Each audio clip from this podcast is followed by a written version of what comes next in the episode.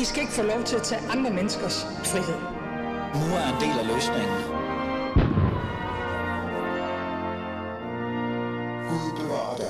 Ja, velkommen til som altid. Du lytter til Alis Fæderland, mit navn er Ali Amin Ali. Før jeg reelt set faktisk uh, går i gang med programmet, så har jeg lige et lille klip, vi skal høre.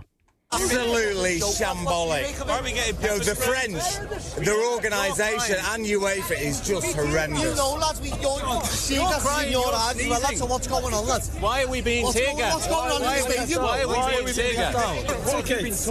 You haven't been told Absolutely nothing. I've asked in French to these guys here, and absolutely nothing. No, no reason. Maybe for two hours, lads. Det var lyden af fodboldfans, der stod uden, på, øh, uden for en fodboldstadion, som i virkeligheden bare burde handle om fodbold, men endte i kaos. Øh, det var faktisk Liverpool-fans, for at sætte det på plads. Fordi det, dag, dagens program, Alice Fæderland, skal handle om, det er faktisk Champions League-finalen mellem Liverpool og Real Madrid. Den endte jo faktisk i kaos og ødelæggelser i, i virkeligheden øh, uden for stadion, i stedet for at handle om fodbold, kampen mellem Real Madrid og, og Liverpool. Men hvad var det egentlig, der skete? Øh, og hvorfor var det, det skete? Og hvilken øh, eller hvad kan vi sige, øh, efterfølger har det i bund og grund haft? Det tager vi en snak om i dag i Alice Fæderland. Og som altid, så kan I faktisk deltage i den her samtale. Det kan I gøre ved at skrive en sms til 92 45 99 45, 92 45 99 45, eller gå ind på Alice Fæderlands øh, Facebook-side og skrive en besked eller en kommentar til dem. Det er dagens afsnit, og det er dagens program, og det kommer til at være meget, meget øh, interessant, fordi I skal holde, øh, I skal holde fast, I skal lytte med. Øh, det her, det handler faktisk mere om fodbold, og det kommer det til at gøre. Men for at kunne få en forståelse for, hvordan det hele startede og hvad der skete, så har jeg faktisk besluttet mig at, at ringe til en mere kyndig person end mig. En, der reelt set ved, hvad der sker og hvad der er op og ned. Louise Sanna, er du med? Du er på... Åh, oh, vi skal trykke herover. Pæn goddag, Louise Sanna. Kan du høre mig nu? Ja, nu kan jeg sagtens høre dig. Fantastisk. Hej. Det handler det med at trykke på de rigtige knapper, ikke? Øhm, Louise Sanna, du er 24-7 korrespondent i Paris, og øh, jeg besluttede mig for, for at på en eller anden måde at få et, et overblik over, hvad var det, der egentlig skete til den her Champions League-kamp, og hvilke konsekvenser øh, har den haft, altså i hvert fald til det, øh, det, der nu skete. Så vil jeg ringe til dig, fordi du netop ja. er der. Kan du fortælle kort egentlig, øh, hvad den her fodboldkamp, som burde være en fodboldkamp, endte med i stedet for at være? Ja, det endte jo i det der kaos, som nærmest øh, til tider lignede sådan nogle borgerkrigslignende tilstande. Altså, øh, der kommer jo en masse øh, tilskuere, det gør der jo til sådan en kamp, øh, og man havde forinden troet, at man kunne dele dem op i, øh, i spanske fans og i Liverpool-fans. Det gjorde man også, men man havde lavet adgangsforholdene så dårligt og så amatøragtigt. Øh, og så var der rigtig mange Liverpool-fans. Der var faktisk mange flere, end der skulle være, og det betød jo, at, øh, at der var folk, der kom uden billet, som ville prøve at komme ind, og så var der rigtig mange, der havde købt en billet, som de troede var god nok, men som viste sig at være falsk. Det vil sige, at så var der jo både dem med de rigtige og de falske til de samme pladser. Og det betød, at der blev en enorm trængsel øh, uden for stadion, som øh, politifolk og særligt mange af de der, øh, altså politifor, hvad skal man sige, fodboldforbundets egne folk overhovedet mm. ikke kunne administrere øh, som så trængte sig på, og så, og så blev man så bange for, at det skulle blive, så du kender sådan nogle scener, hvor de maser hinanden ihjel og sådan noget, så man helt opgav at kontrollere billetterne i første hug, og det vil sige, så kommer folk tættere og tættere på stadion. Mm. Øh, så til sidst, så, så er det øh, sådan en borgerkrigslignende tilstand, hvor, hvor politiet så må tage tårgas og peberspray i brug for at prøve at trænge folk fra hinanden. Mm. Men så er politiet så panikket, så de overhovedet ikke kan øh, finde ud af, hvad de selv skal, fordi de begynder altså, at spraye det der tårgas ind i, direkte ind i hovedet på øh, børnefamilier og, og folk, der ingenting har gjort. Øh, så det ender faktisk i, ja, kaos er nok det bedste ord. Hvis vi lige kan bare lige få cementeret, hvor det var, det, det, det skete. Hvor var Champions League-finalen henne? Den foregik i Paris, men altså jo nord for Paris på vores Stade de France. Det er Frankrigs nationalstadion, som er meget stort og flot. Hmm. Og det ligger i Saint-Denis. Det ligger lige uden, øh, uden på Paris, kan du sige, uden på Ringvejen, men det ligger i en kommune, der hedder Saint-Denis, som faktisk er Frankrigs fattigste kommune. Hmm. Øh, og, og derfor så, så kan man sige, det kom der så også øh, noget ud af, fordi mange af de lokale så også var mødt op og blandede sig med fansene, hmm. og så gik det endnu værre. Øh, man kan jo godt sige, at øh, situationen situationen eskalerede øh, temmelig hurtigt, øh, de der 20 minutter efter kampen startede, øh, men også op til. Øh, bund og grund, øh, hvordan var reaktionen fra de forskellige, altså både politikere og, øh, og, og resten af folk, der også stod og, og bare så det her ske? Jamen, det er faktisk noget af det, er det i virkeligheden mest interessante ved hele den historie. Det er, hvordan alle prøver at dreje den historie til deres egen fordel. Fordi der er en masse spin og en masse storytelling i det. Og derfor har det faktisk også været svært at finde ud af, hvad var egentlig sandheden. Hmm. Der har jo så mange af de der fans, der har optaget øh, film, de kan jo komme med nogle vidneudsagn, kan man sige, som kan bruges. For nu skal der faktisk, der er sat en undersøgelse i gang. Det, der skete, var jo, at Frankrigs indrigsminister var enormt hurtig til at gå ud og sige, at det var Liverpool-fansene skyld. Øhm, og det kan man diskutere, hvorfor han gjorde, men jeg synes, det er ret oplagt, øh, fordi Liverpool-fans har ry for at være sådan nogle hooligans, så derfor så er de jo bare, kan man sige, nogle meget oplagte øh, søndebukke.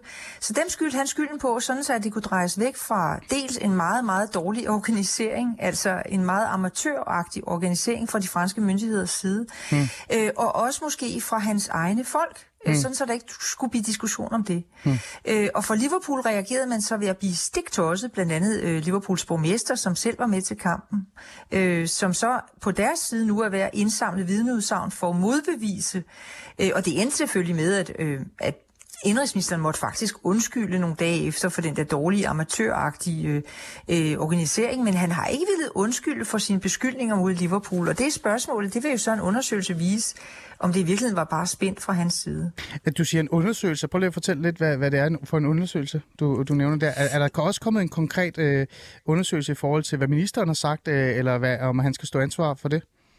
Nej, det er der ikke. Mm. Men der er kommet, altså UEFA har jo, er jo, UEFA og det franske fodboldforbund er jo ja. nødt til, de kan jo ikke en gang til opleve det her, og slet ikke ved at sige halvandet år før Paris skal holde OL. Mm. Øh, altså det er jo det er jo stærkt kritisk, hvis der overhovedet, hvis det overhovedet på nogen måde øh, skal udvikle sig sådan under OL. Så derfor så er de nødt til at få styr på det her. Så man har nedsat fra UEFA og fodboldforbundets side en undersøgelse for at finde ud af, hvad var det, der gik galt. Fordi UEFA selv var utrolig hurtig til at rykke ud med en pressemeddelelse, hvor de jo også beskyldte Liverpools fans.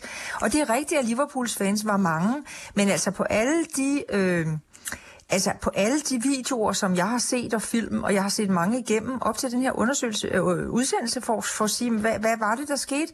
Altså der kan jeg faktisk ikke se øh, nogen Liverpool-fans, der opfører sig øh, ukorrekt. Det må mm. jeg sige. De mm. kommer mm. med deres billetter. Så kan det være, at billetterne er falske, og derfor bliver der kaos. Men det er jo sådan set ikke deres skyld. Mm. Louise, så er jo det, det, det gode spørgsmål her. Hvem er det så, du ser, eller man har set, eller man mener øh, har været øh, dem, som har skabt de her optøjer og skabt det her pres øh, i bund og grund? Altså, der er to, to sider i det, som jeg ser det.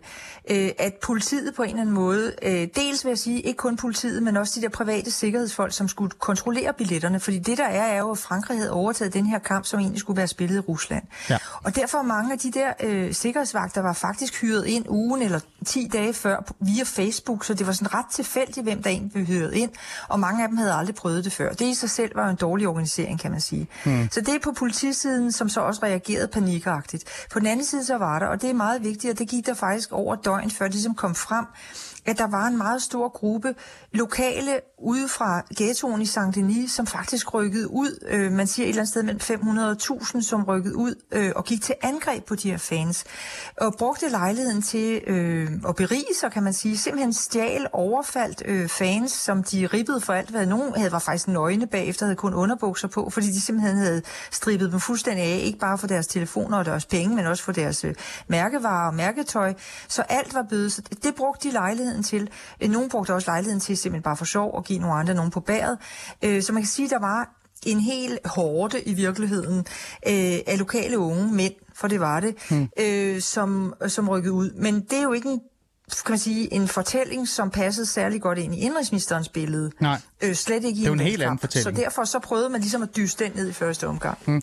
Øh, Louise, øh, du siger det her med, at man var ude på Facebook og efterspørger folk. Ikke? Og jeg, jeg har fuld respekt for, at man får en Champions League-finale kastet i hovedet. Men det her det er jo Stade de France, det er, det er jo Frankrig, det er jo øh, fodbold. Altså, det er jo ikke første gang, de gør det her. Øh, og de holder jo vanvittigt store kampe hver dag nærmest, kan man næsten sige. Ikke? Øh, er det her ikke bare... Øh, hvad er det her bevis på i virkeligheden? Jamen altså, der var bare mange, der var bare mange, man kan sige, der var så mange elementer i det, som alle sammen til sammen øh, gjorde, at det kogte op. Men faktisk vil jeg sige, at allerede to øh, timer inden den kamp gik i gang, kunne man godt se, at det var ikke godt det her. Hmm. Fordi allerede, de her mennesker kom jo inden for Paris. Mange af de her udenlandske fans, øh, altså tager jo tog eller bus for at komme til Paris, og så tager de simpelthen forstadstoget ud til, ud til stadion. Og så kommer de op af en undergrunds øh, togstation, og så skal de hen til stadion. Og allerede der burde der jo have nogen, der guidede dem den rigtige vej. Ja. Øh, og så begynder de at gå den forkerte vej, og så klumper de sig sammen de forkerte steder. Og så opstår balladen med nogle store flaskehalse, hvor folk presser på. Mm. Og så begynder myndighederne at blive super bange for de her billeder, vi har haft tidligere af, af, af, af folk, der bliver trampet ihjel. Ja. Så opgiver man billetkontrollen ved det første sted, og så har du jo dem lige pludselig helt op ad stadion. Øhm, hmm. Altså det er simpelthen mange ting, der bare går galt hmm. øh, oven i hinanden. Også fordi der var for mange fans. Det har indrigsministeren ret i. Der var mange flere, end der kunne være på stadion. Hmm. Øh, noget andet, som øh, man også har hørt, øh, og det har jeg hørt fra forskellige øh, journalister, udlandske journalister, øh, det er, at øh, folk, der stod og filmede, især øh, journalister og mediefolk, øh, de fik faktisk øh, forsøgt taget deres, øh, hvad kan vi sige, deres videoudstyr og deres mobiltelefoner fra sig, fordi de havde optaget, at politiet havde brugt peberspray og sådan noget. Har du også de her, øh, hørt de her historier? Ja, Ja, det er historie, som også franske journalister, franske journalister fortæller den historie, at, øh, at de blev simpelthen truet, øh, og de blev truet med, at øh, deres udstyr ville blive smadret, hvis ikke øh, de på stedet viste øh, betjenten eller øh, sikkerhedsvagten, at de slettede de der ting. Hmm. Og det har hverken politi eller sikkerhedsvagter jo øh, lov til. Hmm. Altså, så, så der bliver også noget selvtægt i det på en eller anden måde, eller i hvert fald tager, påtager de sig en rolle, de slet ikke har ret til. Okay. Her til sidst... Der er også film, Ja. Der er også filmet, altså at, at, at nogle af dem, som kommer, var akkrediteret, fordi de havde noget at skulle gøre på stadion, øh, ligger nede på knæ øh, og er ved at blive banket altså, af politiet. Mm. Så det gik bare amok. Ja, det er voldsomt scener, øh, man, og man kan jo faktisk gå ind og finde alle de her øh, videoer. Her til sidst, øh, Louise Sander, øh, nu er vi jo i gang med et efterspil øh, i virkeligheden. Hvor meget fylder det her i, i Frankrig? Jamen, det popper sådan op med nogle jævne mellemrum. Øh, det er klart, at myndigheden prøver at dyste det her ned, fordi vi har valgkamp lige nu. Vi har lige fået en ny præsident, men vi skal have øh, parlamentsvalg nu. Mm, øh, og det er klart, at sådan en sag som denne her, den kan blive rigtig, rigtig betændt. Og det er også derfor, man kan sige, at Macron og hans midterparti har ikke lyst til, at det her skal komme særlig meget ud, fordi så vil den ekstreme højrefløj, som er stor i Frankrig, øh, med Marine Le Pen helt ude på den øh, yderste højrefløj, hun vil bruge det her, fordi at mange af dem, som faktisk kom ude fra Saint-Denis, øh, de her bøller var indvandrere, og det er jo lige vand på hendes mølle, og ja. derfor prøver man fra myndighedens side at dyste ned. Okay. Øh, Louise, tan, øh, Louise Sander, undskyld, tak fordi du vil være med og, og lige uh, sætte nogle ord på, hvad der var, der skete, så kan vi få en klar og, og tydelig uh, ja, billede af, uh, hvordan, hvad der var op og ned i sagen. Selv tak. Ja, det var et, et, en god beskrivelse fra uh, Louise, virkelig kan man sige. Uh, og, og det får mig faktisk lyst til at bare at sige uh, øh, pænt goddag til mine to gæster. Øh, øh, lad mig bare sådan et eller andet sted introducere jer og, og for, sådan starte med, hvad I øh, på en eller anden måde øh, oplevede, altså hvordan oplevede hele det her. Øh, Frederik, lad mig starte øh, med dig, og, hjælp mig lige med dit efternavn, fordi så kan jeg sige det ordentligt. Ja, der er mange, der laver fejl. Gong. Sig det igen. Gong, hvis det skal være sådan et dansk udgave, og Jernigon, hvis ja. det kører den hardcore fransk. Jeg kan bedre lide nummer to, øh, den franske. Okay. Du er øh, journalist øh, BT, du er sportsjournalist, og, og jeg gætter et eller andet sted på, at du har fulgt den her sag. Øh, kort, øh, Øh, hvad var din øh, reaktion, da du så øh, det her øh, udspille sig? Altså det første var jo bare, at den blev mega forsinket, den her finale. Den blev 36 minutter forsinket, tror jeg, så der er allerede der, der kunne man ligesom fornemme, at der var noget i gære. Øhm, og så må jeg indrømme, at på en eller anden måde gik det også lidt under radaren til at starte med, men øh, jeg er halvt øh, fransk og opvokset i Frankrig og følger det franske mediebillede en del, og så, så er det jo bare blevet en kæmpe, kæmpe dagsorden det her siden. Øh, og jeg kan huske allerede på aftenen, der tænkte jeg, okay, det er alligevel vildt, at sådan noget der kan opstå. Og jeg ved godt, at, det, at det er en Champions League-final, der ikke skulle have været spillet i Frankrig i udgangspunktet. Mm. Men det er alligevel sindssygt, at det kan gå så vidt der, og man hører om altså, så amatøragtige tilstande. Altså, mm. jeg, jeg, ja, efterfølgende her, når man ligesom har har tænkt over det. Jeg, du ved, jeg føler også en eller anden stolthed omkring Frankrig, ja, det er mit land og sådan noget. Ikke? Ja. Så jeg, jeg går også rundt med en følelse af sådan, altså, fiasko og skam et eller andet sted efter det der. Mm hårde ord, men, øh, men øh, jeg kan godt forstå det. Øh, Svend øh, Rybner, du er også med, du er uddannet historiker og ekspert i fodboldhistorie. Før sådan, vi går lidt ned i det fodboldhistoriske også. Øh, hvad var din øh, oplevelse af det der? Lad du mærke til det, og så du overhovedet kampen?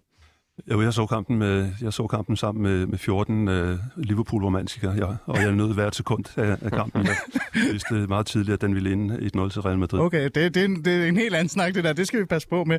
Men lad du så øh, mærke til, øh, hvad der skete uden for banen? Det er klart, fordi kampen blev forsinket, øh, og min første tanke var, at... Øh, at øh, nu skal det nok passe, at Liverpools tilhængere får skylden. Øh, de er nemme at, at, at skyde skylden på, fordi det var i sin tid 1985 mm. Liverpools tilhængere, som stod bag øh, massakren på, på Heysel Stadion, øh, som fik øh, vidtrækkende konsekvenser, ikke bare dengang, men, men for, for hvor fodbolden er hen i dag. Ja. De er nemme at skyde skylden på. Mm. Nu spørger jeg dig lige oprigtigt, øh, hånden på hjertet. Øh, troede du, så havde du tænkt, åh oh, nej, Liverpool-fans, hvad har I nu haft gang i? Øh, nej, det tænkte jeg ikke, men, men det var jo meget lidt, man fik at vide. Mm. Så det var, det var svært at have en kvalificeret mening om, hvad det var, der skete. Hmm, okay. Øhm, Frederik, hvis jeg lige går tilbage til dig. Øh, yes. Nu skete det her jo, øh, og, øh, og det fyldte rigtig meget, lad jeg mærke til, i udlandske medier. Selvfølgelig engelske medier. The Guardian var jo nærmest dernede med det samme. Øh, øh, synes du, det øh, var noget, I havde fokus på, jeres sportsjournalister? Øh, ikke nok herhjemme. Jeg skal også være meget, meget hurtig og kan kaste skylden over på andre, fordi jeg havde ferie, så jeg var ikke sådan på ah, arbejde. Ah, okay, ja. men, men, sådan, nej, men, men nej, altså det er blevet underdækket totalt, og jeg, når jeg ser tilbage på det, så er det jo også, altså der er jo de vildeste beretninger efter den der kamp. Altså Liverpool-fans, der har sendt videoer af, hvad der skete, og sendt videoer, hvor de fortæller om, hvad det var. Og altså jeg har hørt flere, der altså bogstaveligt talt har sagt, de frygtede for deres liv på mm. vej hjem fra den der kamp. Altså de episoder, der var, hvor lokale øh, gik til angreb på nogle af dem og tævede dem og alle de her ting. Så det er jo, altså, det er jo fuldstændig sindssygt, at... Øh, at der er visse fans, der går til det her og tænker, at okay, men jeg tør ikke se fodbold på udebane igen eller i udlandet, hmm. fordi det her bare har været så traumatisk. Hmm. Nu kommer der sådan en, en sjov lille kritik af jer øh, sportsjournalister, og det er faktisk... Øh, Kom med det. Øh, nej, men det er faktisk ikke sådan en, en nedladende kritik, fordi nogen mener jo, at sportsjournalister er bare, du ved, de er jo bare sportsjournalister, ikke? Mm. Jeg, jeg synes jo faktisk, at I er nogle af de bedste journalister overhovedet, der findes. Øh, men jeg bliver altid sådan nysgerrig i forhold til, hvorfor det er, at I ikke dækker nogle af de kritiske vinkler. Øh, det her, det er jo en kritisk vinkel. Hvorfor tror du, man ikke havde fokus på det som sportsjournalist, især i Danmark? Fordi det har virkelig været under, det underbedækket, eller hvad det hedder. Jeg tror, at det, det på en eller anden måde har været lidt for fjernt. Altså, øh, det har ligget... I så kampen i ja, det er rigtigt, men, ja, det er rigtigt, men jeg tror, det har været... Mærke til det. det kommer selvfølgelig også an på, hvad for nogle medier, sådan, men jeg tror, at, at det, da det skete, der, jeg ved godt, det er en Champions League-final, men det er jo ikke noget dansk hold, øh, der har været med. Øh, Liverpool-tilhængere er der jo rigtig mange af herhjemme, så der kunne man argumentere for, at der er folk, der gik op i det. Og så tror jeg måske også, altså helt latterligt, men at der også har været nogle andre dagsordner på, et tids, på det tidspunkt. Altså Holger Rune til French Open, tror jeg stadig var med der. Og havde... Men det er Champions League, det her. Ja, ja, jeg ved det godt. Jeg ved det godt. Og jeg synes også, jeg synes det også, det er... kaos på Stade de France, ikke? Det er det, det er det. Ja. Jeg synes også, det er i ja. virkeligheden for... Jamen, skal jeg, jeg, er lidt svært, jeg er lidt svært ved at svare, men det, ja. det er i hvert fald et bud. Ja. Altså. Jeg, jeg undrer mig bare. Øh, jeg spurgte faktisk ikke dig. Øh, troede du, det var Liverpool-fans? Så havde du tænkt, åh oh, gud, Øh, nej, det gjorde jeg faktisk ikke. Altså, øh, det kan også godt være, at jeg er lidt for godtroende i forhold til mit ene land der, men jeg var, jeg var meget overrasket over, at man så var så hurtig om at smide skylden på, på en af grupperne, fordi det simpelthen også bare virker for nemt og for, for vanvittigt og for mm. utroværdigt på en eller anden måde at mm. kunne generalisere det så meget. Mm. For at sådan på, på en eller anden måde kunne gå ned i, i den her historie, forstå historien også, og også forstå konsekvenserne af det, øh, så det er jo netop derfor, jeg har dig med, Svend. Øh, det er, vi skal også lige kigge på det fodboldhistoriske, fordi der er jo netop en grund, som du selv kom ind på, at man tænker, typisk englænder, ikke? Det er englænder, der har, der har ødelagt det her. Nu har de sat et eller andet i gang. Der er sikkert øh, optøjer, de kaster rundt med stole eller et eller andet endnu en gang, ikke? Øhm, hvis vi lige kigger sådan lidt på det fodboldhistorisk, øhm, hvorfor er det, vi tænker det? Hvorfor er det, vi bare tænker, typisk, nu er det englænderne? Altså, hvis, hvis man går helt tilbage til den moderne fodbolds fødsel i, i midten af 1800-tallet, øh, så var det i begyndelsen så var det overklassen øh, fra, fra kostskolerne, der, der havde råd til at have fritid og råd til at spille fodbold. Men, men op gennem slutningen af 1800-tallet, så bliver fodbold også en publikumsport, og så bliver den professionel, fordi at man spiller flere kampe, også på udebanen, og så bliver det relevant at øh, give spillerne løn, hvis de skal nå hjem øh, på arbejde næste mm. dag. Og gradvist så bliver fodbolden øh, en, øh, en arbejdersport. Mm. Øh, og det falder også sammen med industrialiseringen, at, at øh, flere og flere mennesker flytter fra land til by. Og fodbolden bliver en, en del af underholdningsindustrien, ligesom øh, kabarerer, øh, de nye biografer og teater osv. Så, så der kommer flere og flere tilskuere til, og det er typisk, især i Storbritannien, er det, er det arbejderkla- arbejderklassen, der, der går til fodbold. Det er deres ugentlige ventil. Når de kommer op fra minen eller ud fra fabrikken efter seks hårde arbejdsdage, så går de på stadion, hmm. og så går de på poppen. Ja. Og så sker der det, at op gennem øh, efter 2. verdenskrig, øh, den økonomiske nedtur ramte Storbritannien meget hårdt. Øh, så der var, øh, der var nogle arbejdskampe, hvor øh, mange kan sikkert huske Margaret Thatcher, den konservative premierminister, der kom til i 80'erne, eller 70'erne, undskyld. Det kan mine øh, lytter, de er meget borgerlige, så det kan de godt. Ja, ja, men, men, men hun, hun satte meget, man skal sige, hun satte sig for at knække, hvad hedder det, fagforeningerne, ja. øh, og, og det faldt sammen med øh, nogle, øh, en, en, en gryende der har altid været huliganisme, der har altid været nogen, der har været op og slås til fodbold. Det er mm. et nyt fænomen, men det blev mere og mere i løbet af 70'erne, især i England. Mm. Øh, og der var nogle frygtelige øh, slagsmål omkring nogle af de store kampe. Mm. Ja. Øh, og det kulminerede så øh, for, for alverden, øh, kan man sige, i 1985 under Europacup-finalen, eller den, den daværende Champions League-finale mellem Juventus og Liverpool på ja. Heysel Stadion i Bruxelles hvor øh, tilskuere fra Liverpool, det var jo ikke alle Liverpool-stillinger på nogen måde, men tilskuere fra Liverpool overfaldt øh, nogle øh, italienere, og der var, der var 38 af dem, der omkom mm. ja. den her lejlighed. Og den står jo virkelig som et øh, historisk, øh, historisk begivenhed i fodbold, som alle frygter skal gentage sig i virkeligheden, ikke? Det, det, det fuldt så, altså der var flere, der var også et par, par af de gamle tribuner, der, der, hvor der gik ild i og så videre, og så kulminerede hele den her proces med, med den såkaldte Hillsborough-katastrofe i 1989, under en semifinale i den engelske FA Cup. Ja øh, hvor 96 mennesker bliver mast ihjel, fordi de ikke kan komme ud. Mm. De kan ikke komme væk. Der kommer flere og flere tilskuere ind på et, et afsnit, og i det her tilfælde, ligesom i Frankrig nu, der frelægger myndighederne så ansvar. Det første her det var i 1989, og det først øh, var det sidste eller forrige år, at der blev placeret et ansvar. Det var faktisk myndighederne, der ikke åbnede for nogle øh, flugtveje, så, så folk kunne komme væk. Hmm. Det ville man ikke indrømme. Øh, men hele det her, øh, den her problematik førte til, at øh, den, den britiske eller engelske regering nedsatte en øh, kommission, hmm. som, øh, som mundede ud i den såkaldte Taylor Report, som, som skulle rense rense op i, i fodbolden, når man, når man så vil sige. Ikke? Mm. Det vil sige, det, det førte til, at man fjernede stå-afsnit der står man meget tæt. Det er rigtigt, ja. Øh, og man lavede sædepladser, hvilket, og det er jo øh, dyre at, få, at købe en sædeplads end en ståplads, har der altid været. Så langsomt blev så gled, er fodbolden glæde fra at være en arbejder- til groft sagt at være en middelklasse øh, sport. Og en familieting. Og en familiesport. Øh, og, og nu i nyere tid øh, er det jo så også blevet en, en sport for turister. Det bliver mm. vi jo rigtig mange, der tager til udlandet for at se fodbold. Mm. Og der var jo netop mange turister også på Stade de France i virkeligheden, kan man jo sige. Altså folk, der kom neutralt og vil se kampen. Det er jo altid Champions League-kampe mm. i virkeligheden. Øh, Frederik, vi skal gå hen til dig. Øh, øh, det her, det er jo så den udvikling, man, man har haft, men man samtidig må man jo også bare erkende lidt, at, øh, at øh, vi ser nogle tendenser, som så udfordrer den her, øh, den her udvikling. Øh, vi har jo begyndt at se flere, der, der laver de her øh, indløb på banerne, altså sådan, hvad, hvad, hvad er det, kan, man kalder Baneinvasioner. Baneinvasioner, ja. jeg ved ikke, hvor jeg kan huske det, og hvor man forser hegn og, og, og så videre, og så videre. Der er også begyndt at komme øh, lidt mere fokus på huliganmiljøet igen i Danmark, men også i udlandet. Øh, er der ved at ske sådan en eller anden form for negativ udvikling i øh, det her, øh, inden for det her øh, område? Ja, det synes jeg faktisk. Altså, det var noget af det første, jeg tænkte på, da jeg, jeg så øh, de her billeder og det her kaos, at, at det er som om, at fodboldfans også tror, de kan tillade sig mere og mere et eller andet sted. Så vi ser det jo også herhjemme tit til, altså vi så lige en pokalfinal mellem uh, Midtjylland og OB, hvor der ja. blev kastet brosten gennem ruder på fanbusser osv. osv. Og i Frankrig har det også været et kæmpe problem den her sæson. Altså der har været sindssygt mange pinlige øh, oplevelser senest med Saint-Etienne, der rykkede ned i en playoff-kamp, hvor kampen også bare, øh, lige så snart den var sluttet af, så løb fans ind, og der var pyroteknik, og der blev affyret ting mod spillertunnelen og sådan noget. Så jeg, jeg føler, det er en ting. Det kan godt være, at øh, Svend ikke vil give mig ret, men, men der har været en, en tiltalende, tiltagende volds, ikke tiltalende, tiltagende, det er meget vigtigt. tiltagende, ja. ja øh, voldskultur omkring de her fans på det sidste, og som sagt, det har været en kæmpe ting i Frankrig, som, øh, som også har været et politisk problem, øh, hmm. som, som jeg egentlig synes kulminerede her. Det kan så godt være, at mange af dem, øh, øh, der ikke var lige så mange franske fans til sådan en, en kamp her, som der ville være til en fransk ligekamp for eksempel, men det er alligevel et kæmpe problem dernede. Hmm. Svend? Jeg, jeg synes, at Frederik er meget ret i, at, at, at da man ser en tendens til, at folk øh, opfører sig vildt igen, Øh, og, og det tror jeg hænger sammen med, at, at fodbolden for mange mennesker er blevet et, øh, et såkaldt sådan frirum i en, en mere og mere reguleret verden. Altså den topfodbolden bliver mere og mere styret, både af penge, den har altid været styret af penge, de bedste holder altid har købt de bedste spillere, men nu, nu flytter markedet sig fra, fra Europa og Sydamerika til mod Mellemøsten og Asien, hvor de helt store uh, tv- og spillepenge, annoncepenge Ja, er. ja. Og man har indført VAR, altså videodommer, øh, som jeg mener er en, en form for sådan et udtryk for en autoritær tendens i tiden, med, hvor man gerne vil have absolute sandheder. Mm. Øh, fodbolden har traditionelt levet af, at, øh, at folk ikke var enige ude på tribunen. Mm. Øh, at, at hvis der bliver dømt til straffe, så er der i hvert fald to meget stærke holdninger til, om der var straffe eller ej. Der Ikke? har vi alle sammen været, ja. Ja. Ja. Øh, og der kan man sige, der, der kan fodbolden være en, en form for frirum, øh, øh, om hvad enten man kan lide det eller ej. Altså Mm. en form for reaktion mod den her ensretning, der sker.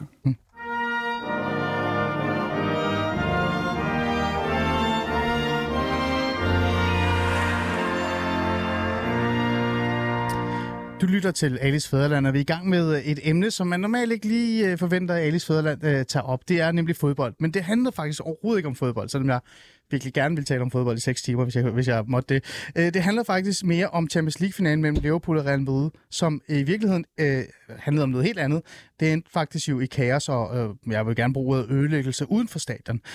Jeg har brugt øh, de første halve time til at finde ud af, hvad var det egentlig, der skete øh, øh, overhovedet, og hvorfor er det, at englænderne altid får skylden? Hvorfor var det, at alle hurtigt sagde, at det er jo sikkert Liverpool-fansene, der, der har ødelagt det, det hele? Og for at kunne på en eller anden måde kunne gøre det ordentligt, så ringede jeg, bare lige så vi kan få det med, Louise Sanna op, som er øh, 24-7's korrespondent i Paris. Hun gav os et godt øh, overblik over, hvad, hvad der var op og ned i, i sagen.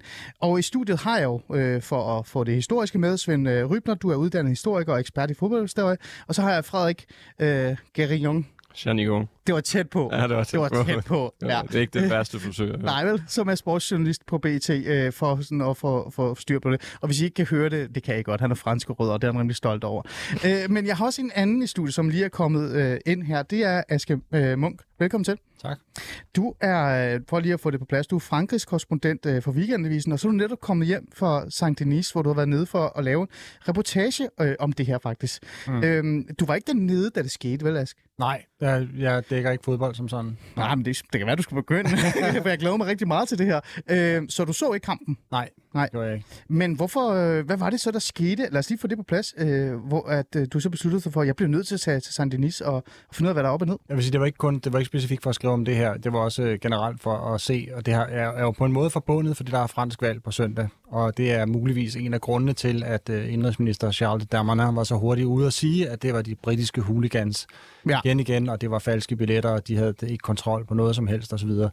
Og det var jo ikke det, der var virkeligheden. Det kan man, enhver, der har øjne i hovedet, kan se på billederne, at det er ikke de britiske fans, hverken for Liverpool eller Nej. Men United, der, der, der, der, øh, der gjorde noget som helst her. Der var simpelthen tale om øh, uorganiserede men bander af altså grupperinger af kriminelle fra Saint-Denis, som altså er en af de hårdest belastede franske forsteder. Med en stor procent med øh, indvandrere, som... Ja, ja, meget, meget, meget, meget stor procent. Ja. Ja. Ikke? Øh, Ja. øh, som, som altså overfaldt de her fans. Øh, der var flere, der blev altså, snittet med kniv. En, der blev stukket ned. Der var øh, rapserier, mobiltyveri, øh, ting og sager, folk, der blev overfaldet i, i, i grupper simpelthen. Øh, Mm. Det er også der, hvor vi ser, at når, når de britiske hooligans, som, som man siger, de britiske fodboldfans sloges, så var det simpelthen for at forsvare sig mod dem, der, der overfaldt dem. Og det var også mange af dem, der prøvede at klatre ind over stadion, øh, Mm. i øvrigt.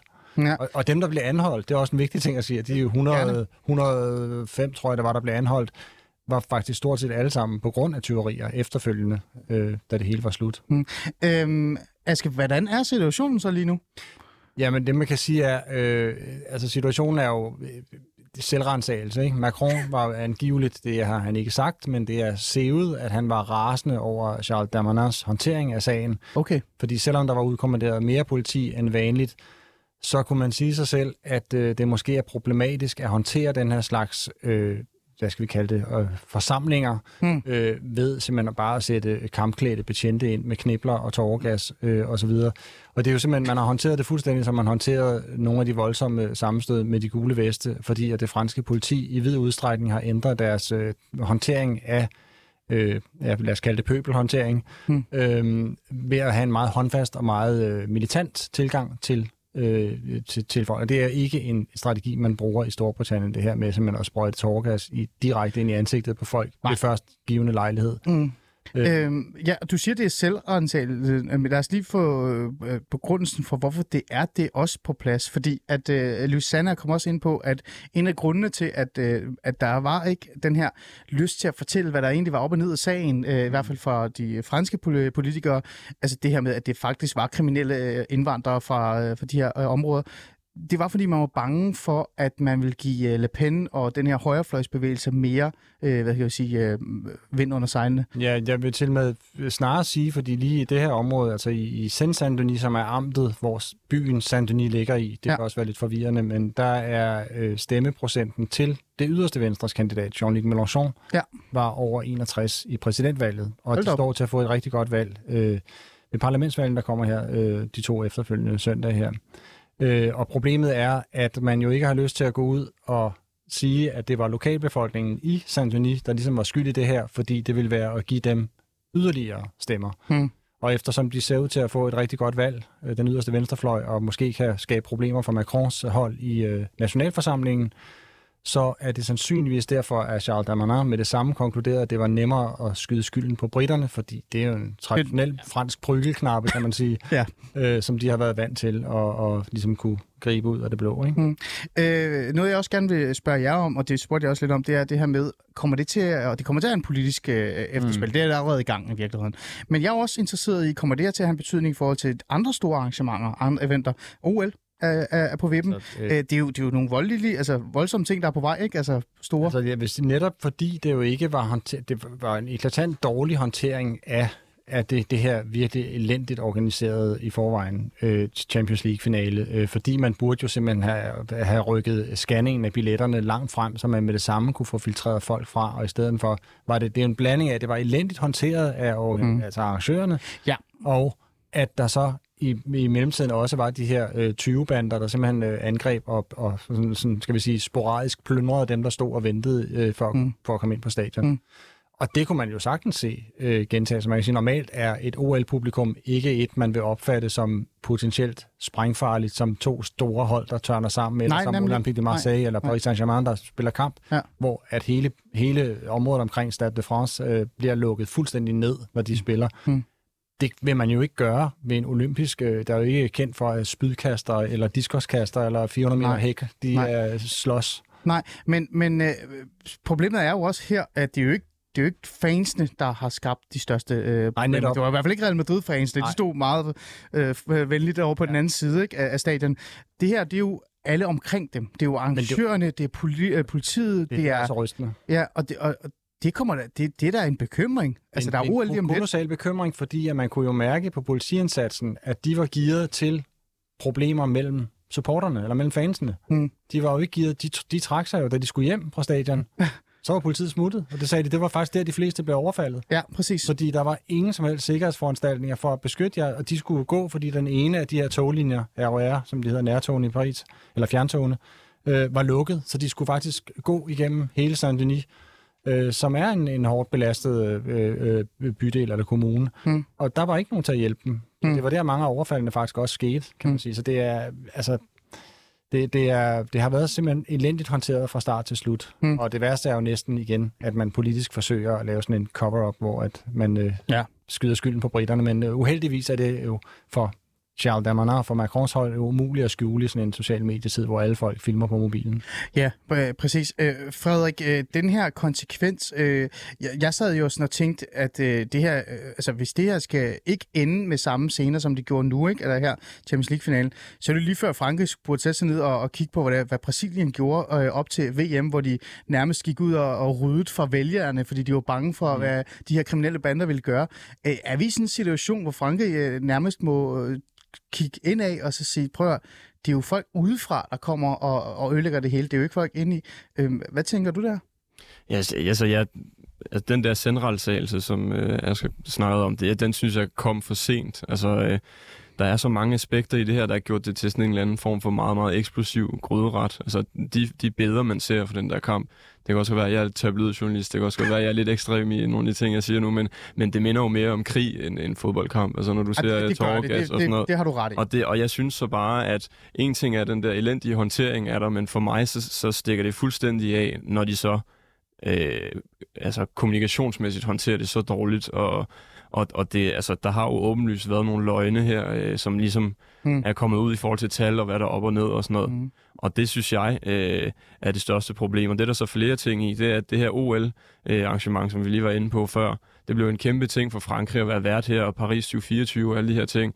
Og det kan godt være, at Champions League har en kæmpe bevågenhed, men OL har godt nok også. Og det kan godt være, at det er mindre ekstreme sport, øh, sports, øh, hvad hedder det? Øh, Spydkast. Ja, præcis. Lidt, ja. Sportsgren end, Ja. end fodbold er, men, men det kommer bare til at have så kæmpe, kæmpe, kæmpe stor en international bevågenhed. Ja. Og det varer over længere tid. Øh, Og der kommer til at være flere mennesker. jo. og det gør der også, ja. ja og, og, og jeg kan ikke også, bare lige hvis jeg må sige en Ja, sidste gerne, ting. Altså, når jeg ser de der billeder fra Stade de France øh, til Champions League-finalen, så kan jeg altså heller ikke lade være med at tænke på, at den 13. november 2015, der var altså nogle folk, der sprang sig selv i luften lige ude foran stadion. Ja.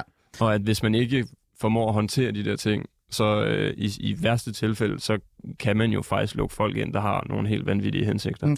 Øh, og det er jo ikke, fordi jeg vil stoppe dig, Frederik. Jeg vil bare lige øh, gøre mit spørgsmål mere specifikt så, fordi at, øh, det er jo rigtigt alt det, du siger. Men det ændrer jo ikke på, at OL er lige på trapperne.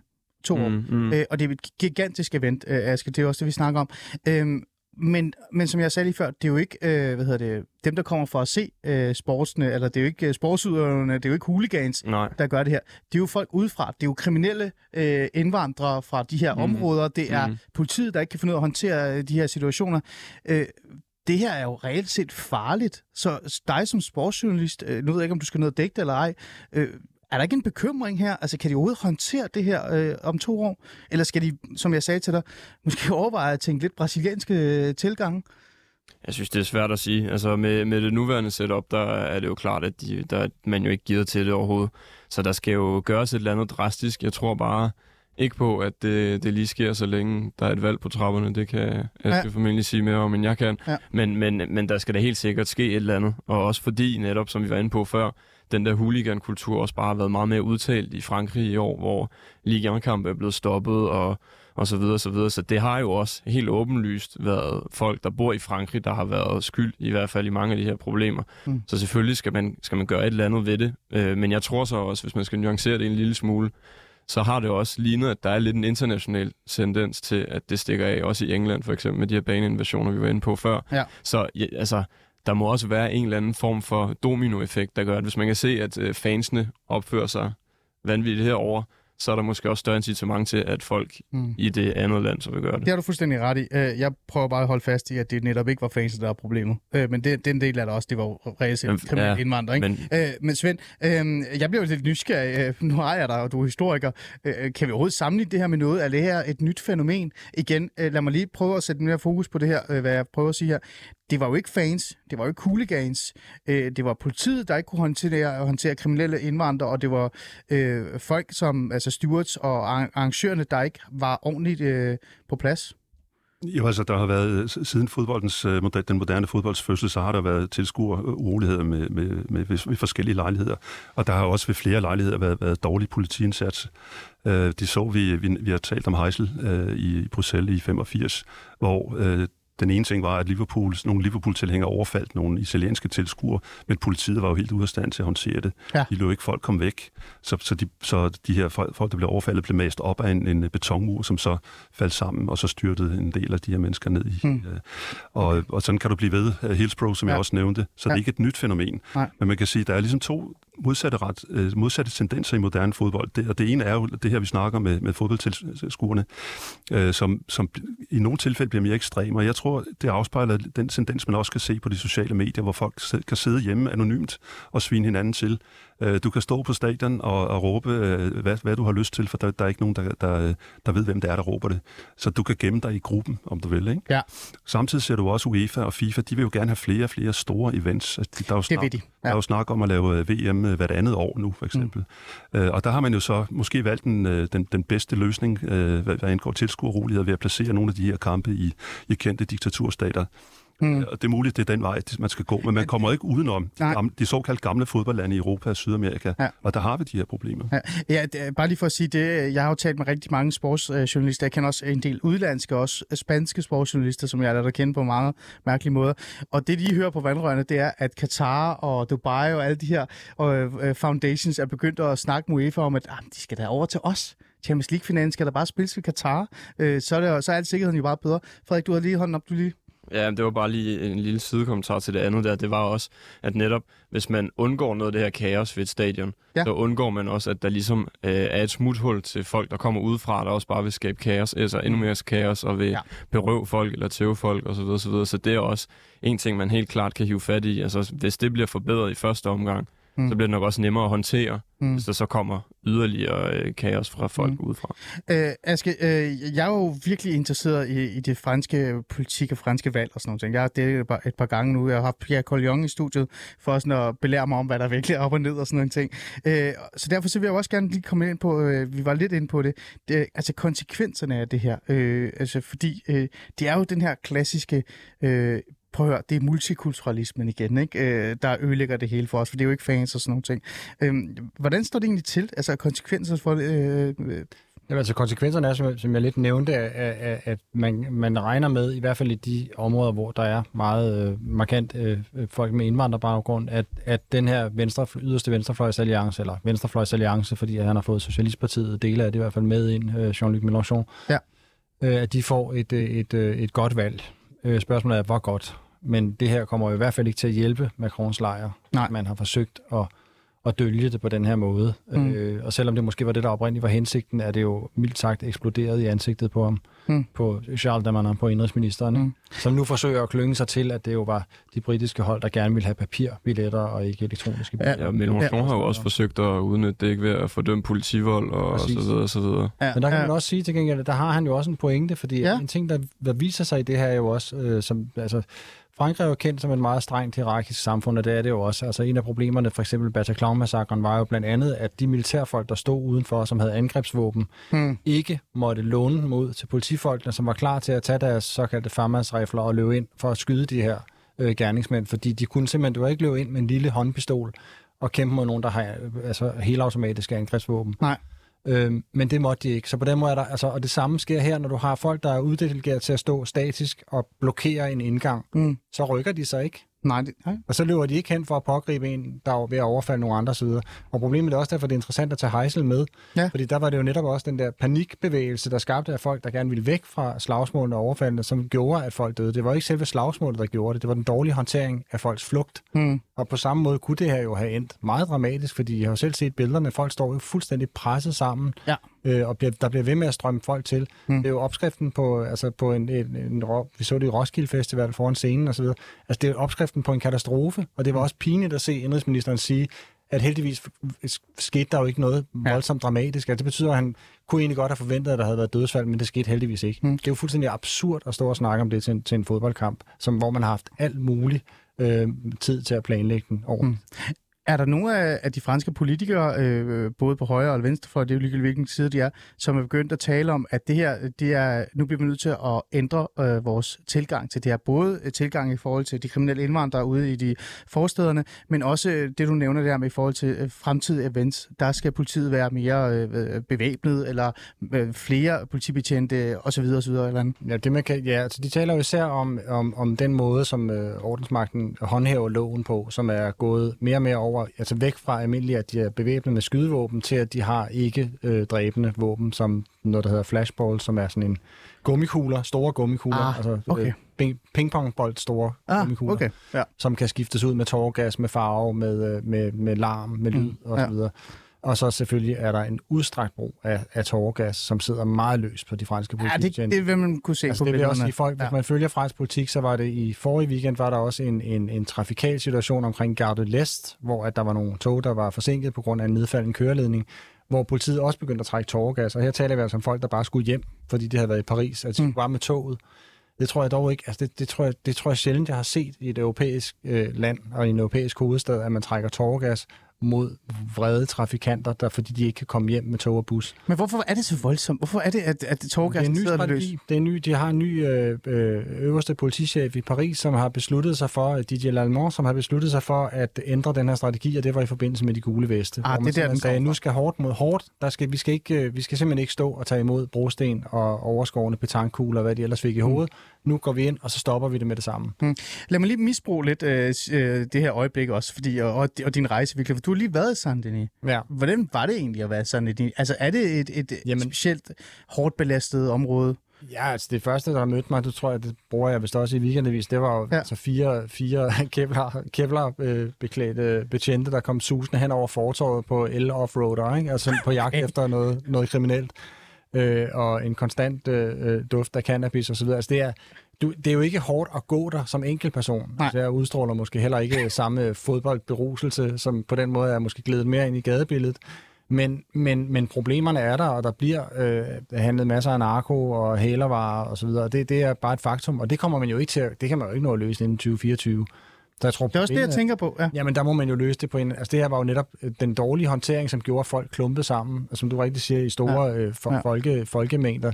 Men jeg det, får... er det, jo, det, er det, jo, det er jo vildt skræmmende at tænke på, at det, som du siger, det, det kunne være terror. Ja. I stedet mm. for, at det er nogen, der tilfældigvis har en springkniv og tror nogen mm. til at overlevere mobiltelefonen. Mm kunne de have haft selvmordsveste på, mm. eller et eller andet. Men det er, derfor, det er også derfor, jeg nævner sådan lidt, og det er jo ikke for sådan på en eller anden måde at sætte fokus på, at nu er det indvandrere, der er kriminelle igen, og Frankrig er ved at brænde ned det kan godt være, jeg mener det. Det er måske jeg en anden ting. Jeg ville få et chok, hvis de gik en tur i den by. Det, det, det tror jeg også. Ikke... Det er jeg 100% sikker på. Jeg burde måske have en studietur dernede, Julia, mig og dig. Det skal vi lige snakke om bagefter, Julia, min uh, til rettelægger ud derude. Men, men det jeg bare prøver at sige, sådan, det er lidt, uh, det her må da også pege lidt på, at hvis vi skal have et vellykket OL, hvor folk ikke bliver slået ned og blevet berøvet, og jeg ved ikke hvad, så bliver Frankrig jo nødt til at forholde sig til at opruste. Altså, jeg mener, sådan politiopruste. Ja. Jeg nævnte jo, jeg blev ved med at tale om uh, Brasilien og farvelierne, de oprustede. De rodede jo nærmest op, mm. før der kom det. Øh, er der nogen, der tænker i de baner? Øh, altså, jeg tænker ikke, ikke de der indvandrerområder forsvinder ikke, i morgen. Altså. Nej, ikke så det bliver kommunikeret ud, vil jeg sige, fordi det vil jo simpelthen være øh, høj eksplosivt politisk at, at sige, at man skulle... Altså, vi har haft en... Der har været en, en borgmester i, i Marseille, som selv har foreslået, at man skulle sætte hæren ind i nogle af kvartererne. Altså, som selv har indvandrerbaggrund i øvrigt, på grund af de mange øh, narkoproblemer og, og, og skudepisoder, hvor der er ja. vildfarende kugler, der rammer ind i skoler osv., ikke? Øh, men ikke øh, i den forstand. Og man kan også sige, at det er jo ikke nødvendigvis det at sætte antallet af politibetjente op, for der var jo faktisk flere betjente og flere stadionansatte øh, kontrollører indsat her, end der normalt er mm. mm. til den slags kampe. Øh, men det hjælper jo ikke. Så det er tydeligvis organiseringen af hele øh, eventen, der har været problemet. Frederik, mm. øh, jeg bliver ved med at holde fast i den her tryghedsting omkring det her, ja, ja. og jeg bliver også ved med at holde fast i de her, øh, de her boligområder og de her, de her øh, folk, der bor derude, de forsvinder jo ikke i morgen. Mm. Øh, så det er jo en, en, en faktor, det må jo spille en faktor nu. Øh, og også fremadrettet faktisk i forhold til fransk øh, hvad hedder det, fodbold og sport, for den sags mm. skyld. Er, er det ikke noget, øh, der er så lidt nyt også? Jo, det er det nok. Altså, det, øh, det har jo ofte været i forbindelse med andre begivenheder, man har set. Altså øh, så voldsomme øh, optøjer, altså de gule veste nævnte Asger før. Så det er, jo, det er jo en voldsom ting. Jeg tror bare, det er meget vigtigt at sige netop, at lige nu i hvert fald, der er det meget eksplosivt at pege fingre af nogen. Mm. Især op til sådan et valg der. Øhm, men altså, det kan da godt være, at man skal tænke i de baner. Mm. Lige præcis, hvordan man skal gøre det, det ved jeg ikke, men altså, der kommer nok til at være noget strengere kontrol ved stadions, og måske også kan man rykke, hvad skal man sige, sikkerhedsarealerne længere væk fra stadion, så man ligesom får fjernet noget af, mm. af det vold. Jeg vil så indskyde en ting også, det er også fordi, nu, nu var det her, nu nævnte jeg det her, det lyder som sådan en underlig kedelig detalje, men det er en ret vigtig detalje, at den ene af de her fjerntogslinjer var stort set lukket ned på grund af strejke. Ja. Så folk skulle gå utrolig langt. Fordi normalt, når man kører fra Charles de Gaulle Lufthavn og ind til Paris, så kører man præcis imellem alle de her hårdest belastede, det hårdest belastede amt i Frankrig, 9, altså 93, øh, hvor alle landsbyerne har øh, siden optøjen i 2005 har været på landkortet med jævnlige tilbagevendende optøjer og oprørs, øh, øh, hvad skal vi sige, kampe med politiet. Men der sker jo altså også forbløffende lidt, skulle mm. man også sige. Så på den måde, altså tror jeg også, at vi her har haft en anden form for perfekt storm med, mm. at enhver kan regne ud Champions League med to britiske hold. Det lugter af øl, fulde folk, nemme ofre for rapserier. Øh, mm. Det, det, det tror jeg spiller en kolossal rolle også for det her, sammen mm. koblet med kaoset, som så har for, forstærket det hele. Mm. Øh, det var Real Madrid, det andet hold, men det, Nå, det, det, det, det er bare... Ja, undskyld, men jeg tror, mange englænder vil ønske, Real Madrid var i... Ja, ja men det har jo været ja, turister, de fleste af dem, ja, kan man sige, så ja, det er jo noget, ja. Ja, det øh, point. Det, jeg vil gerne tage det, det her sådan fremtidsperspektiv med, for det bliver vi med at holde fast i. Det, nu tager jeg det også øh, her også, og jeg tænker også, øh, det er også udenrigspolitisk også har noget at spille øh, i her. Øhm, der er jo de her rygter, øh, som handler om, at Katar og alle de her mellemøstlige lande siger, kom der bare ud til os. lad os bare holde de her øh, slutrunder inde hos os, ikke? fordi der er roligt og fred. Vi har et militær, der er ingen, der tør at lave noget der. Det kan jeg garantere dig, hvor der ikke gør. Øh, hvad tænker jeg om det? Er det sådan noget, øh, der begynder måske at blive mere og mere varmt i øh, UEFA og, og også andre arrangørens, øh, du ved, sådan, øh, ja, øh, tanker? Øh, jeg tænker nok, det skal ske. Altså, hvis det er for... De er jo allerede blåstemplet. Mm. Altså, øh, der skal være VM i Katar lige om lidt, og der er, jeg ved ikke, hvor mange Supercup-kampe, der bliver afholdt i nogle af de her øh, oliestater. Så øh, altså, jeg, jeg, jeg kan ikke se, hvorfor det ikke skulle ske. Altså, øh, Gianni Infantino, der er chef i øh, FIFA, han er jo flyttet til Katar. Og Det så, er han altså, sjovt nok, så, ikke? så, Ja. altså, jeg kan ikke se, eller for os, jeg, jeg kan godt se nogle argumenter for, at det ikke skal ske, Ja. men i forhold til den måde, de resonerer på, så tror jeg ikke, de har mange argumenter for ikke at gøre det. Svend, hvad tænker du i forhold til fremtiden? Ja, Er det sådan noget, vi ender med? Øh, vi er på vej derhen, fordi fodboldøkonomien er på vej. Altså tyngden i fodboldøkonomien flytter sig i de her år, og har gjort det længe, fra, fra de gamle fodboldsverdensdele, Sydamerika og, og Europa, mod Mellemøsten og Asien. Det er derude, de helt store penge er. Mm. Og så kan man sige, øh, rent fodboldmæssigt, så øh, er, er problemet jo også kommet for at blive, fordi vi så jo under, under nedlukningen under corona, hvor kedeligt det er at se fodbold øh, uden tilskuere. Det er rigtigt. Øh, dels ja. er det kedeligt, at man ikke kan komme på stadion selv. Øh, jeg kan huske den første kamp, jeg var til på Lyngby Stadion efter nedlukningen. Det var en beruselse, så vi tabte 2-0 til Sønderjyske, men det var bare det at komme på stadion var, var forrygende. Hmm. Men det var jo også dårligt tv. Altså, Hmm. der, var- man, altså jeg gad ikke at se de her kampe til Nej, sådan hedder det også. Ja. Nok, nok så gode holdene var. Øh, Så var det, det var helt øh, stemningsforladt og dødt. Så UEFA og FIFA har jo en eller anden interesse i at være med til at løse det. Mm. Og, og der kunne jeg godt forestille mig, at de kigger mindre på fransk indrigspolitik, end, end de kigger på, hvor kan vi afvikle dem sikkert og nemt. For, ja. Ja, jeg tænker bare lige på en ting. Altså i Argentina for eksempel, der har det jo været forbudt med udebanefans siden 2013, tror jeg, Ja. på grund af, at der har været så vanvittige uroligheder, Ja. også med folk, der blev dræbt og sådan noget. Så i yderste tilfælde er det jo der, man måske kan nå i virkeligheden. Øh, Lad mig lige gå over til noget andet, som ikke er så meget fodbold, men det er udenrigspolitik. Men det handler jo også om det her med øh, politikken, og det er, nu var det UEFA's politik. Den franske udenrigspolitik, øh, har det haft nogle, øh, altså, har det haft nogle konsekvenser? Har det ramt dem på en eller anden måde? Altså, jeg så, at for eksempel Real Madrid og, og, og de spanske, øh, også nogle spanske politikere var over og kræve, at der skal der skal være, øh, hvem har gjort det her? Hvad, hvad er det, der er sket? Hvad er der op og ned? Der er også andre, der har været ude og fordømme øh, hele det her. Det har der været Har det ramt dem? Det er meget, altså jeg tror ikke, at vi det eneste sted, hvis der sidder og diskuterer, hvor, hvorfor det skete, og hvorfor det var så dårligt håndteret, og Ja. hvad, der, hvad der egentlig gik galt. Og det har jo været massivt fra, fra både øh, øh, hvad nu, britiske og spanske øh, sportskommentatorer, som var til stede også, Ja. ja. som har lagt, altså man behøver ikke bruge lang tid på Twitter, før man kan finde øh, rystende Mm. vidnesbyrd om, at de siger, at de har aldrig nogensinde oplevet noget lignende. Der er faktisk en lille sjov detalje, jeg gerne vil spørge dig om. Hvad med det der med, at der er historier om, at øh, journalister har fået frataget deres video øh, og deres øh, mobiltelefoner Altså af, af af, fransk politi og også af stewards? Det, det, vil- det vil ikke overraske mig. Mm. Altså, fransk politi har en, en øh, ikke just, øh, hvad skal vi sige, klassisk øh, holdning til pressefrihed. Øh, det, Det har de ikke? Det er ret Okay. tit, at man øh, ja, bliver Det vidste jeg faktisk at ikke. og så videre. Og det, det er også sket øh, gentagende gange, at journalister har fået et par på hatten. Mm. Æ- Ender det her med, at Macron på en eller anden måde må ud og lave en form for undskyldning, tror du? Eller er det for voldsomt? Jeg tror ikke, at præsidenten skal undskylde, fordi han ligesom ikke er, hvad skal vi, han er ikke skyld, han, er, han bærer ikke skylden for det, men jeg kunne godt forestille mig, at Darmanin vil blive, altså indrigsministeren vil blive tvunget til at, at lave sådan en mere kulpa offentligt. Okay. Prøv lige fortælle lige, hvad du har skrevet om det her. Det kommer, hvornår kommer det? Lad os lige lave et reklame for det. Nå, nej, undskyld, det, jamen, jeg har primært skrevet om, om, om, øh, om sammenhængen mellem det yderste venstrefløj og, og muslimerne, ja. og, og, og tog så udgangspunkt ja. i, i, i Saint-Denis, fordi det ligesom var der, der Ja. hvor Champions League uroligheder. Hvornår kommer det? Det kommer i morgen. I Det kommer i morgen i weekendavisen. Det, ja. så, så har der været lidt reklame for det. Og så regner jeg med, at du også skriver Alice Fæderland et eller andet sted. øh, et eller andet sted. Den er afleveret. Ja, så må du gå ind og bede om at få den igen. det var faktisk øh, dagens øh, afsnit, øh, og jeg tænker, sådan, det blev, det blev lidt interessant. Jeg er jo stadig fascineret, øh, Frederik, nu kigger på dig over, hvorfor det ikke er fyldt mere. Øh, øh, det kan være, du skulle ned og sætte dig ned og skrive noget om det alligevel. Ja, jeg noget at banke min chef i hovedet. Ja, det- Sige jeg synes du ikke- Jo, men jeg, jeg bliver også mere og mere ophidset, for jeg skal over det her emne, kan jeg mærke. Så det er sådan, er også franskmand, ikke? Der, der, Ja. der, der burde... Ja. Vi må se, hvad, hvad altså, tiden viser omkring, hvad, hvilken konsekvenser det har haft. Altså, kommer det til at udspille noget politisk øh, i Frankrig? Kommer det til at være noget historisk øh, altså, i forhold til det? Eller øh, tager journalisterne, øh, sportsjournalisterne, tager det mere alvorligt? Nej, det var det frækt Frederik. Det mente jeg ikke. Men altså, det var i hvert fald øh, det, vi nåede i dag. Øh, Svend øh, Rybner, tak fordi du ville komme. Øh, uddannet historiker og ekspert i fodboldhistorie. Frederik, Garignon. Jarnigon. Jeg siger Garignon, det lyder bedre. du er sportsjournalist på BT. Tak fordi du også tak komme. Så har du franske rødder, det skal man huske, ikke? Ja, det skal du huske Ja, at sige. du er ikke halvboldmål holdnummer eller et eller andet, vel? Bornholmer? Nej, nej, halv fransk, halv dansk. Det er det, du er. meget Godt. skægt. Og øh, Aske, tak fordi du vil komme. Aske Munk, du er hvad hedder det, Frankrigs korrespondent i- for Weekendavisen.